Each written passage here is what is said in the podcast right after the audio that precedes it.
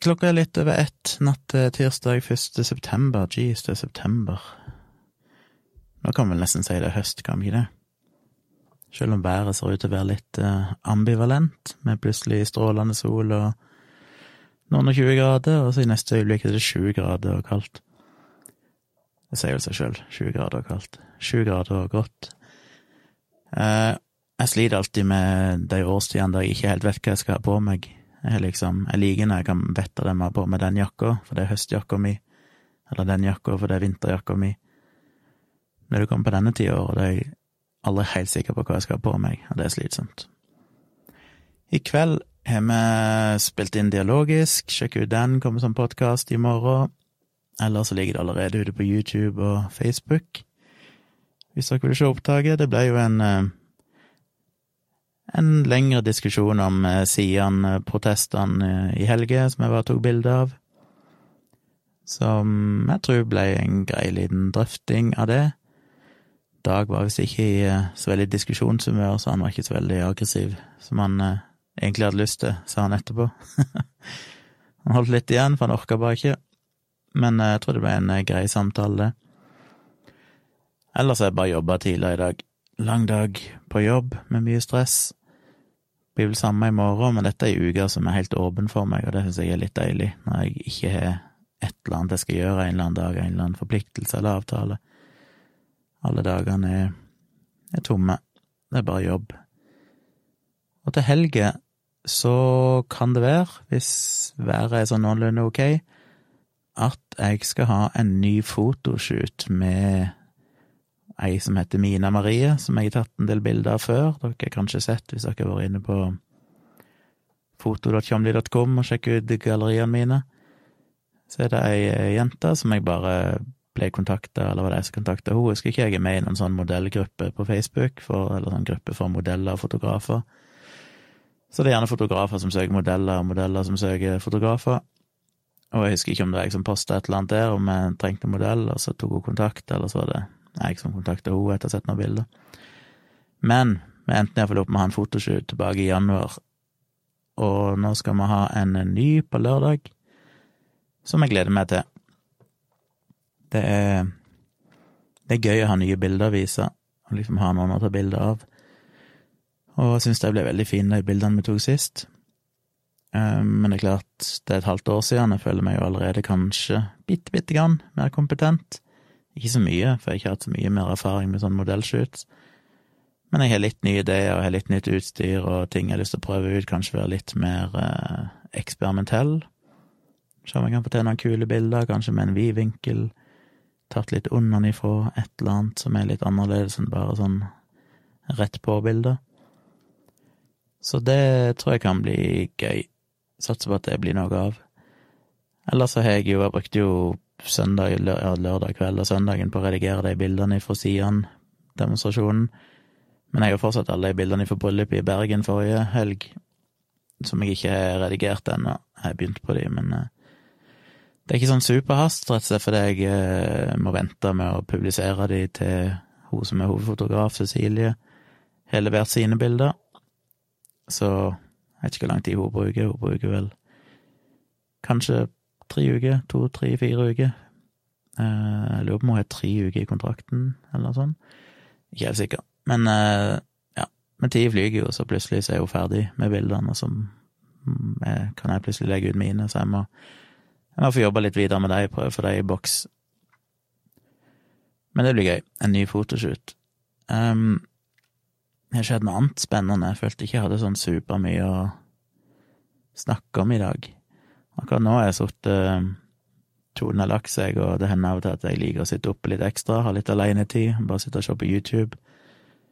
For jeg får ikke så mye tid til det på dagen, det er jo jobb hele dagen, og så er det ofte et eller annet som skjer på kvelden, enten det er samboerprat, eller det er dialogisk, eller et eller annet annet jeg skal. Så har den lille tida etterpå da bare tenker at nå kan jeg bare slappe av og se på akkurat det jeg har lyst til. Det, det er litt terapi for meg. Ellers har vi i kveld sett på Det kom tre nye ting. Det ene var jo Folkeopplysningen om oppdrettslaks. Spent på om dere har sett det. Det var jo min første gang jeg fikk se det, og syns syns vel egentlig det ble bra, tror jeg. Fikk vel med stort sett de poengene eh, som jeg hadde funnet. Nå var jo på ingen selvs måte alene om det. Det er jo spesielt hun eh, Ragnhild eh, eh, Som jeg aldri husker navnet på. Ragnhild et eller annet. Som eh, var med og researcha. Hun har gjort mye research, hun òg, og jobba med manuset. Men det var jeg på en måte som, som sagt gjorde den grunnresearchen og fant ut av litt av de problemstillingene som var relevante å ha med. Og de fikk de vel dekka. Det var jo, som jeg var inne på tidligere, dette med helse, det var dette med lokal miljøforurensning i fjorder og sånne ting. Eh, det var dette med klima, og så er det jo dette med dyrevelferd. Og konklusjonen i programmet ble vel egentlig det samme som jeg satt igjen med. Jeg ble nok litt mer skeptisk til oppdrettslaks etter å ha jobba med den researchen. Eh, tidligere så har jeg stort sett bare vært opptatt av helseaspektet, og der er jeg var jo på en måte Der endra jeg ikke noe standpunkt. Fordi det er jo fortsatt sånn at eh, oppdrettslaksen er ikke noe farligere enn annen mat du spiser, Eh, og tvert imot så er den jo mange positive effekter. Så spis for all del oppdrettslaks mm, av helseårsaker. Når det gjelder lokal forurensning, så måtte jeg òg lese mye om det og prøve å forstå det, men konkluderte vel til slutt med at det egentlig ikke var noe stort problem. Eh, det er lett å lage skumle YouTube-videoer som eh, ligger på nettet, som viser undervannsbilder hvor grusomt det ser, ser, ut under disse merdene. Men i praksis så er det bare noen få plasser, og de er veldig strengt regulert. De sjekker jo hver eneste mer. Eh, Annethvert år er det vel. Det er vel en, eh, det er vel en sånn toårig syklus for å oppdrette laks ifra de er smolter til de blir eh, spiseklare. Så etter hver syklus så blir det jo sjekka, og hvis det da er for mye dritt på havbunnen, så får de rett og slett karantene, holdt jeg på å si. Da må de rett og slett eh, ligge brakk i en syklus eller mer fram til havbunnen er fin igjen. Så det er jo ikke et permanent problem. Hadde du fjerna alle merdene, så hadde det problemet løst seg sjøl i løpet av et par år, som regel. Så det er heller ikke noe stort problem, og vi vet hvordan vi skal løse det, med å bare legge de merdene brakk, og det er godt kontrollert og alt mulig sånn. Så det er lett å lage skremselspropaganda av det som ser så fælt ut, og se hvor grusomt det er, men egentlig så er ikke det noe stort problem. Eh, og så er det dette med klima. Der viste de jo egentlig òg at eh, hvis du tenker klimagasser, så er ikke laksen spesielt, oppdrettslaksen spesielt ille sammenlignet med annen mat vi spiser. Vesentlig bedre enn mye annen mat vi spiser. Og der var det jo ett moment som jeg leste en del om, og følte egentlig vi burde si noe om, for jeg gikk òg inn på Twitter, husker jeg, når jeg satt og researcha dette, og søkte på oppdrettslaks, bare for å se hva det egentlig folk engasjerer seg i, hva som er viktig for folk, hva det folk egentlig diskuterer. Og da gikk jo dette med soya igjen veldig mye. Så jeg skrev en del om soya i researchen min, og argumenterte vel på disse møtene vi hadde for at jeg følte vi burde ha med noe om soya fordi det betyr mye for mange, og i den tida jeg drev på med dette, som var i fjor høst, så var jo dette med, med brannen i regnskogen i Amazonas veldig hot, bokstavelig talt topic. Så jeg tenkte at dette med soya og regnskog og alt dette her kommer folk til å være opptatt av. Det ble jo ikke med i programmet, um, som jeg syns var synd, men det er jo alltid sånn, du må kutte ting. Du må gjøre det du må jo holde deg innenfor en viss tidsramme og sånn, og ikke gjøre hver episode for tett med informasjon, for ellers så faller folk kanskje av. Men jeg syns soyaaspektet er interessant, for jeg syns det, det er leiligheten jeg jobber med sånne ting, er jo selvfølgelig er det ting her som folk mener og tror, men som viser seg å være feil. Og jeg fant jo ganske mye interessant statistikk på den soyaimporten vi gjør og sånn, som som viste at det det mange tror om soya, er jo egentlig ikke korrekt. Det er ikke det store problemet som mange vil ha det til. Eh, en sånn klassisk, Nå husker jeg veldig lite av det, akkurat detaljer, men jeg husker ett eksempel er jo at det er så lett å vise for eksempel at Ja, hva var det? Over halvparten iallfall av all vi importerer til Norge fra Brasil, blir brukt i oppdrettsnæringen.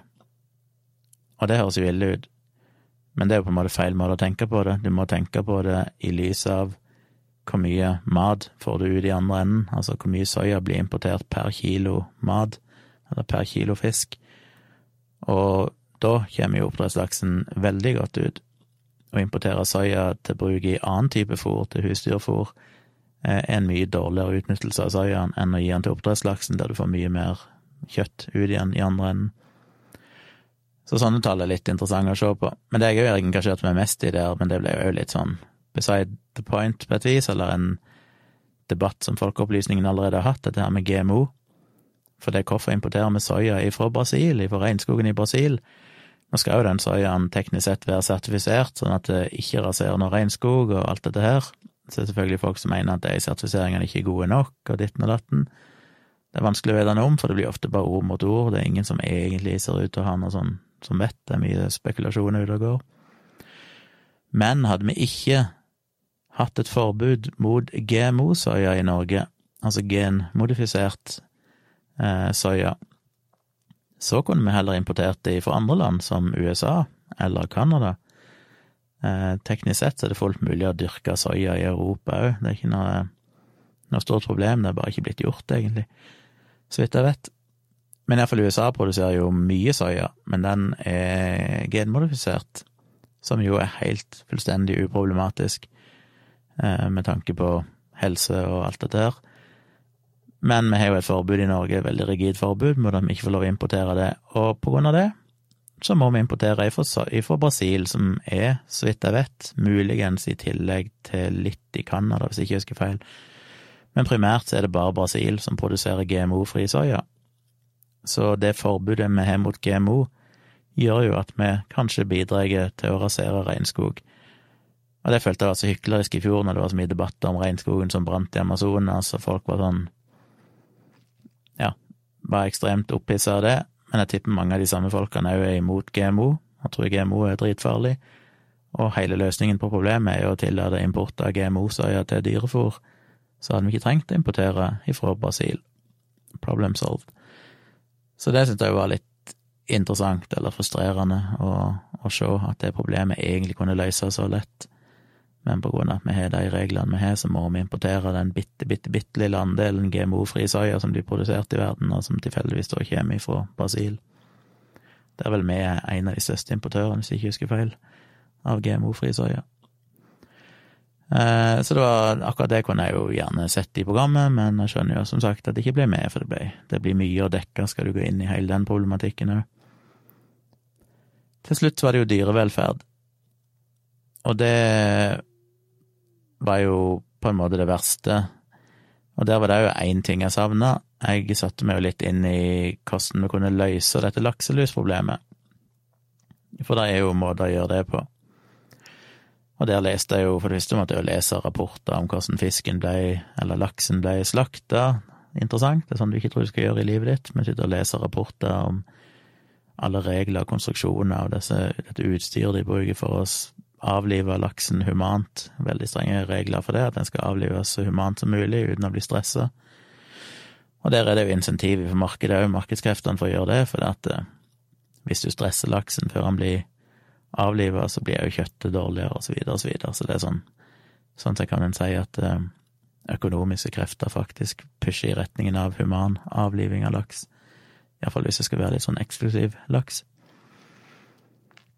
Så jeg leste mye om det.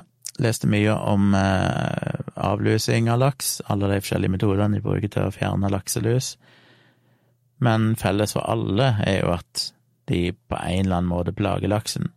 Det er ingen av måtene som er både effektive og ikke på en eller annen måte kan oppfattes som eh, ja, enten skadelig eller dødelig i mange tilfeller. For det ironiske er jo at det dør mange flere oppdrettslaks av avlusinger enn de dør av lusene i seg sjøl. Så det er jo det at vi fjerner alle lakselusene, det er jo det som tar livet av flest oppdrettslaks. Jeg vet ikke om de egentlig fikk fram det poenget helt tydelig. Men eh, ikke at det er så veldig viktig sånn sett, for vi må fjerne lakselusen. Den er jo plagsom for eh, laksen, stakkar. Men allikevel litt ironisk at det er fjerning av laks som faktisk dreper mest laks. Fjerning av lakselus som dreper mest laks. Men der er det jo mange metoder. Oppvarming av vannet, kjemikalier som egentlig ikke blir brukt lenger. Nå er det stort sett bare andre metoder for nesten alt, av sånn kjemikalier er forbudt. Eh, de har prøvd å dynke det i ferskvann, for lakselusen tåler ikke ferskvann. Men det vet jeg ikke om er lovlig. Det har blitt brukt litt, men de er veldig kritiske til det, for at risikoen der er jo at hvis du begynner å behandle oppdrettslaksen oppdrettslaksen med ferskvann for å drepe lakselus, så kan du risikere at lakselusen etter hvert blir resistent mot ferskvann. Og da bryter jo alt helvete løs, for hvis lakselusen blir resistent mot ferskvann, så kan den begynne å følge villaksen oppover elvene og infisere alt av villaks òg, som vi ikke ønsker. Så det er de veldig strenge med, jeg ønsker ikke det. Eh, de bruker jo laser til og med, det ble, ikke, ble vel egentlig ikke nevnt, men eh, de er jo en del mer oppdrettere som bruker laser. Det er en sånn liten maskin som skyter ut laser og og slett bare grille én og én lakselus når laksen passerer. Som høres litt sånn science fiction ut, men det funker faktisk, sånn noenlunde. Det er ikke veldig effektivt, tror jeg, men det er i bruk noen plasser. Og så er det disse her eh, rognkjeksene og sånn, disse her fiskene som spiser lakselus, som jo ble problematisert veldig med rette, for det er jo De ender jo stort sett opp med å dø, ehm, og det er jo omdiskutert hvor effektive de egentlig er. Og det er jo en av de interessante tingene, husker jeg, når jeg drev og researcha dette her, det var jo hvor på en måte paradoksalt det er at når du ser folk fiske villfisk, dere har jo sikkert alle sett uh, fiskebåter ute som drar opp svære garn eller noter eller hva det er for noe, med fulle av fisk, og så blir de bare dumpa i båten, og de blir jo ikke avliva én etter én, de vil vel stort sett bare dø av kvelning fordi de blir tatt ut av vannet. Så nesten alt av villfisk blir jo inhumant avliva, de blir jo bare sopt opp i svære garn, og så blir de bare egentlig torturerte døde, på mange vis.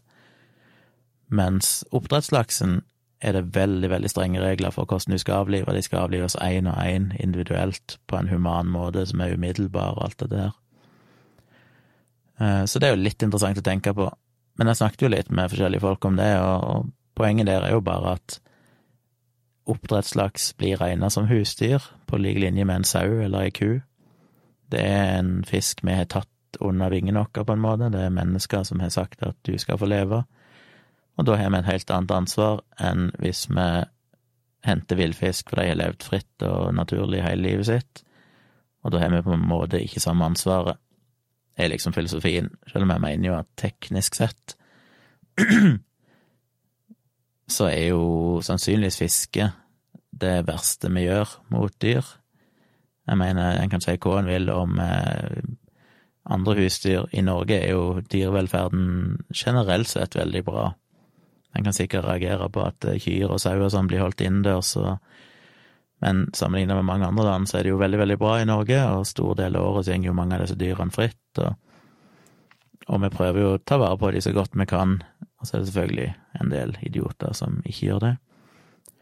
Men eh, relativt sett så har husdyrene det bra i Norge, hvis en sammenligner det med fisk, for fisk blir jo bare sett på som en vare. Du bare drar opp av havet, og så er det ingen som bryr seg om velferden i det hele tatt. Så det er litt eh, fascinerende. Mens oppdrettslaks er jo da som sagt et husdyr, og de er regulert av akkurat de samme lovene for velferd som eh, ei ku eller en grise. Men det blir jo ikke etterfulgt like godt, dessverre. Så Så det er interessant. Og vi husker vi lo mye av det der ideen om at kanskje det egentlig problemet med fisk er jo at ikke de lager lyd og ikke ansiktsuttrykk. Jeg husker vi fjasa litt med det, kanskje vi burde hatt en sekvens med der laksen skriker liksom når han blir avlivet eller et eller annet sånt, og de, og de, hadde jo med en sånn slags sekvens, ikke så brutal, men uh, de la jo på noen dyrelyder på laksen bare for å se om folk oppfatter det annerledes. Uh, men hva er det egentlig jeg skal si?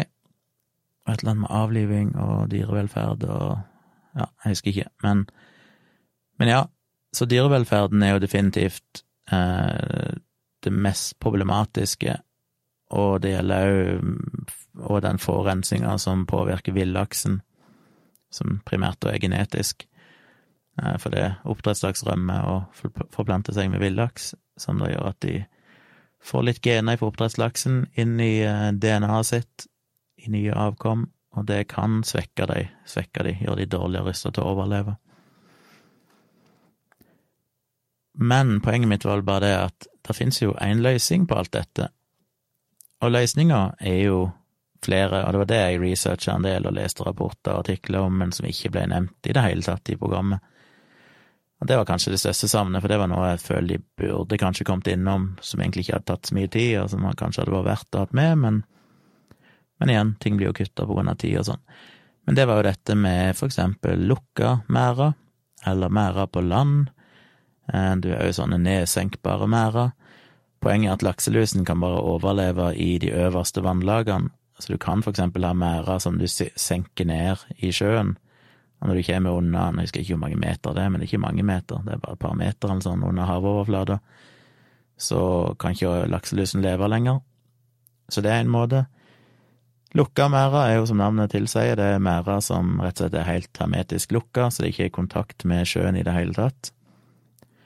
Det òg løser jo problemet, for da kan du fjerne lakselusen på innsida hvis det skulle dukke opp noe, og det smitter ikke til utsida, og du unngår jo at laks, oppdrettslaks rømmer, og alt dette her. Så hvorfor blir ikke det gjort? Vel, det blir jo gjort delvis, det finnes noen lukka merder.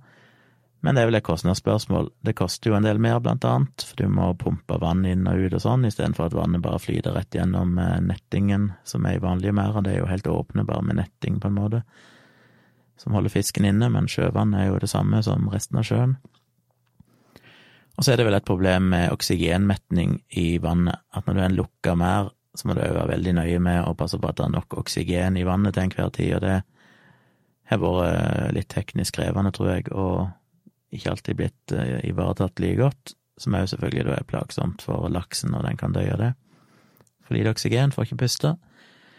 Så det er tekniske og økonomiske utfordringer med det. Og så er det jo å ha merder på land, som er veldig interessant. Men da kommer du litt inn i den villmølledebatten, at alle vil ha en uh, etisk oppdrettslaks, uh, og en løsning på det er jo å ha merder på land, altså ha svære tanker, holdt jeg på på land som du oppdretter fisken i. Og det er jo gjort, det fins jo sånn i Norge, og det er søkt om konsesjon, husker jeg når jeg sjekka det i fjor, i fjor høst, så husker jeg det var søkt om konsesjon til 17 nye sånn landbaserte merder. De svære prosjektene i utlandet, det er jo et eh, norsk selskap i Miami, vel, som bygger en gigantisk eh, oppdrettslaksfarm på land som jeg tror så vidt er satt i drift, eller blir det veldig snart, som det er investert milliarder på milliarder i, så folk ser tydeligvis potensial i det, for folk kaster penger etter det prosjektet. Og ja, så det finnes løsninger. Det vil jo løse problemet med rømming av fisk, det vil løse problemet med lakselus og alt dette her. Eh, så hvorfor blir ikke det brukt? Jo, som sagt, merder på land blir litt vindmølledebatt, det er sånn folk vil ha etisk oppdretta laks, men jeg tror ikke folk er så keen på at du skal rydde store områder for å plassere disse tankene. Litt som med vindmøller, folk vil ha grønn energi, men når de oppdager at eh, vindmøllene faktisk må plasseres et sted i naturen som folk helst vil ha uberørt, så er de ikke så glad i det likevel. Og sånn blir det jo litt med disse merdene på landet òg, da. De, eh, de, vil jo ta ganske store arealer, og du må rydde sannsynligvis natur og skog og sånn for å plassere dem. Så det er nok en innvending. En annen innvending som er litt mer, som jeg ikke har dokumentasjon på, men uh, som har blitt nevnt i diskusjonen jeg hadde med forskjellige folk, er jo at det kanskje finnes en slags motvilje mot landbaserte merder, rett og slett fordi hvis vi i Norge, for eksempel, skulle begynne å bare produsere laks i landbaserte merder, så vil jo vi miste all eksklusivitet, for da kan de jo akkurat like godt produsere laksen i Japan eller i Kina eller hvor som helst andre plasser.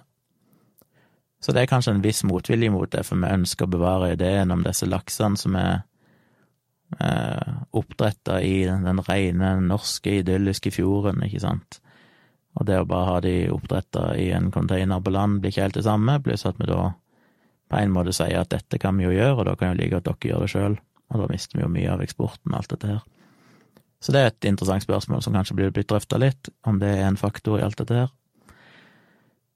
Så ja, så alt dette her med forskjellige måter å løse problemet på, det ble jo på en måte aldri nevnt, det ble bare problematisert, eh, som jo er viktig, men en kunne kanskje hatt med noe om de forskjellige løsningene som finnes. Men om ikke det ble med i programmet, så lærte iallfall jeg en del av det. Så jeg håper dere ser programmet. Ellers har vi i kveld sett uh, andre episode av The Wow på HBO, som jeg anbefaler. Handler om denne, skal vi kalle det, kulten i USA. som heter Nexium, som vel oppsto tidlig på 2000-tallet, og som vel endte opp i eh, katastrofe i, for ett eller to år siden. Da det ble avslørt at han kultlederen vi får jo se, vi har ikke sett alle episodene, jeg har bare lest en avisreportasje av det når det pågikk, men det er jo veldig ferskt, det er jo bare et par år siden dette her eksploderte, og da eh, viste det seg at de hadde tvunget damer til å forskjellige seksuelle greier og brennmerka de med initialene til kultlederne og sånn, og det var veldig sånn. Jeg er interessert i å se hvor mye av dette som faktisk dreier seg om tvang, eh, og hvor på en måte misbruket ligger, hvor langt det strakk seg og sånn, eh, for det kjenner jeg ikke alle detaljene om. Bare skrive en eh, melding til Tone her. For hun lurte på når hun skulle vekke meg i morgen.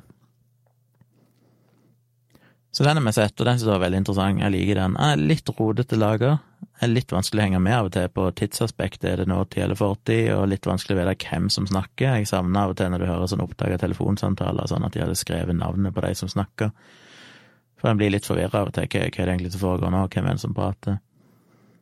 Um, men en veldig interessant dokumentar som jeg vil anbefale. Og så har vi sett episode tre av eh, Lovecraft eh, Country på HBO, som jo bare er fiction, holdt jeg på å si. Men eh, litt usikker hva jeg mener om den fortsatt. Første episode var bra, det var ganske kjedelig i starten, men så tok det jo helt av på slutten. Andre episode ble med, desto mer sånn eh, med monster og masse overnaturlige greier. Likte ikke andre episode så godt. Tredje episode syns jeg òg var temmelig kjip. Helt til Helt mot slutten igjen syns jeg den òg ble litt kulere. Men den er litt sånn litt sånn med. Jeg er litt usikker på om hvorfor jeg egentlig det finnes så mange bra serier, om jeg egentlig så gidder å, å se alt av den. Men eh, hør gjerne hva dere syns, hvis dere har sett noe av dette her som jeg nevner nå. Så må dere gjerne komme med innspill på det.